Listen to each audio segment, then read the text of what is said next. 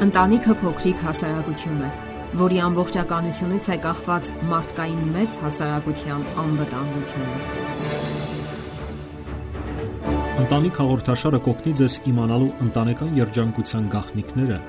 եւ ընտանիքում հասնել բարօրության եւ երջանկության։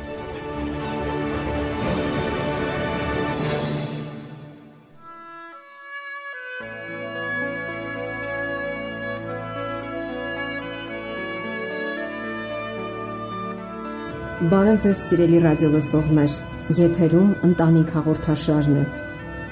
Օսկար Ուայլդը շատ գեղեցիկ մի միտք է արտահայտել։ Իրեն սիրելը սկիզբն է մի սիրավեպի, որ տևում է մի ամբողջ կյանք։ Մարդն արարված է որոշակի պահանջմունքներով։ Դրանցից ամենակարևորները սիրո եւ ընդունված լինելու պահանջմունքներն են։ Մենք ցանկանում ենք, որ մեզ ընդունեն, հոգան մեր մասին եւ սիրեն, անկախ նրանից, թե ով ենք մենք եւ ինչպիսին ենք, ինչպիսին են մեր արարքները։ Մենք բոլորս էլ փափագում ենք դա եւ դրան են ուղված մեր բոլոր ջանքերը։ Ի վերջո, դրան է միտված մեր ամբողջ կյանքը։ Ասենք, որ այդ նույնը դիտվում է նաեւ կենթանական աշխարհում։ Ամուսնական կյանքը դրա լավագույն օրինակն է։ Մարդն ամուսնանում է այն բանի համար, որ ընդունված լինի եւ լավագույնս դրսևորի իր հոգու եւ մտքի ողջ ուժերը Վերջին հաշվով մենք ամուսնանում ենք այն մարդու հետ, ով պատրաստ է լցնելու մեր դատարկությունը եւ բավարարելու մեր ներքին մղումներն ու ձգտումները։ Եվ դա պետք է գործի 24 ժամ։ Իսկ երբ ընդունված լինելու մեր ներքին պահանջմունքները չեն բավարարվում, մեզ լքված, խորթացած ու խորապես վիրավորված ենք զգում, ապա սկսում ենք անտարբերություն, նույնիսկ տհաճություն զգալ այն մարդկանց հանդեպ, ում ամենից շատ էինք սիրում Հետո մենք չենք զգտում նրանց կողքին լինել կամ խոսել նրանց հետ։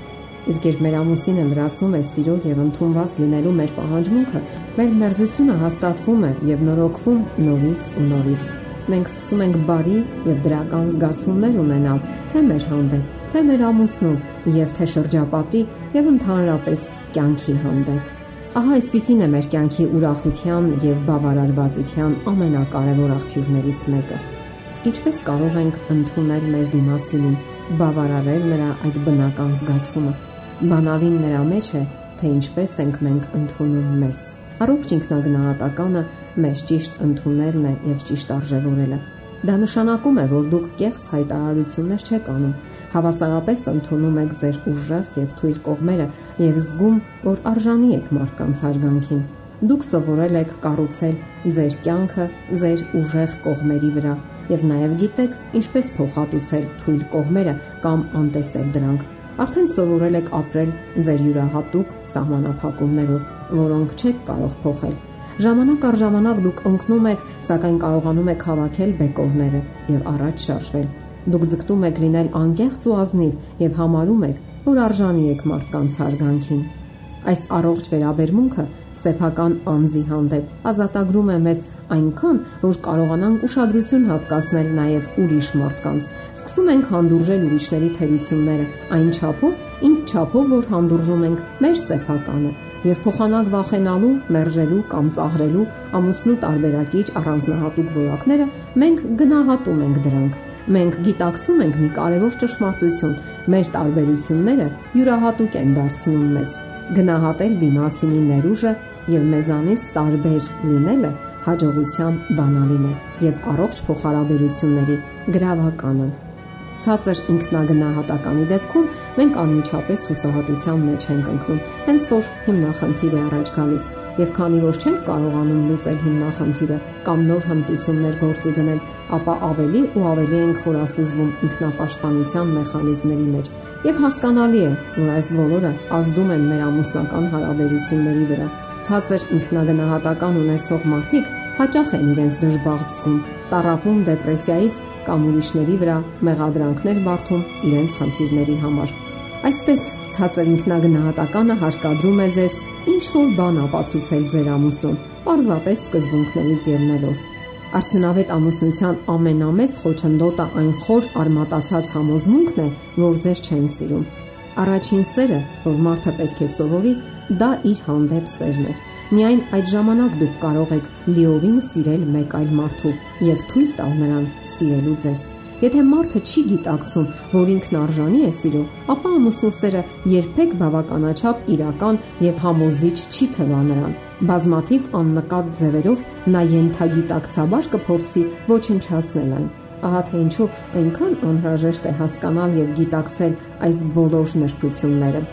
Իսկ զույգերը պարտավոր են եւ կարող են բավականաչափ գիտելիքներ եւ հոգեբանական պատրաստվածություն ունենալ հասկանալու համար իրենց եւ դիմասինի ներքնաշխարը։ Եվ նախքան հաջողակ ամուսնություն կնքելը հարկավոր է առողջ փոխհարաբերություններ ունենալ ինքն իր հետ։ Նյու Յորքի լավագույն հոգեբաններից մեկը Սթենլի Հիլլերը գրում է. Ցանկացած ամուսնության կարևորագույն որակներից մեկը յուրաքանչյուր ամուսնու հուզական առողջությունն է։ Պարզապես այսօր առավել քան երբևէ դժվար է գտնել այնպիսի ամուսին, որը լիակատար հուզական առողջություն ունենա։ Իսկ ո՞րն է պատճառը։ Աճում է այն մարդկանց քանակը, ովքեր մեծանում են կիսատ ընտանիքներում՝ ամուսնալուծություն, հարբեցողություն, հուզական, ֆիզիկական կամ սեռական բռնություն։ Այսպիսի ընտանիքներում մեծացած մարդիկ իրենց վրա են կրում խոր կործանարար վերքեր եւ անznական ցավը մղում է նրանց գտնելու այնպիսի մեկին, ով կարող է ամոքել այդ ցավը, թեթևացնել ու հավաքել իրենց կյանքի կոտրված բեկովները։ Իսկ մենք այդպիսին ենք։ Բոլորս ենք դուրս եկել անկատար տներից։ Մենք բոլորս անկատար ենք ծնվել։ Մենք չենք կարող փոխել մեզ։ Միակ բանը, որ կարող ենք անել, այն է, որ սովորենք ընդունել մեզ, այլ ոչ թե փախչել ինքներս մեզանից կամ մեղադրել ուրիշներին։ Մենք կարող ենք սովորել սիրել ինքներս մեզ այնպիսին, ինչպիսին կանք։ Դե ինչ,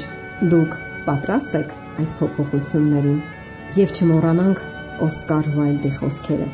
Իրեն սիրելը սկիզբն է մի սիրավեպի, որ տևում է մի ամբողջ կյանք։ Սիրելի ռադիո լսողներ, եթերում ընտանիք հաղորդաշարներ։ Ձեզ հետ է Գեղեցիկ Մարտիրոսյանը։ Օշնյալ է տունը, տան մեջ ընտանիքը, ընտանիքի մեջ դերը։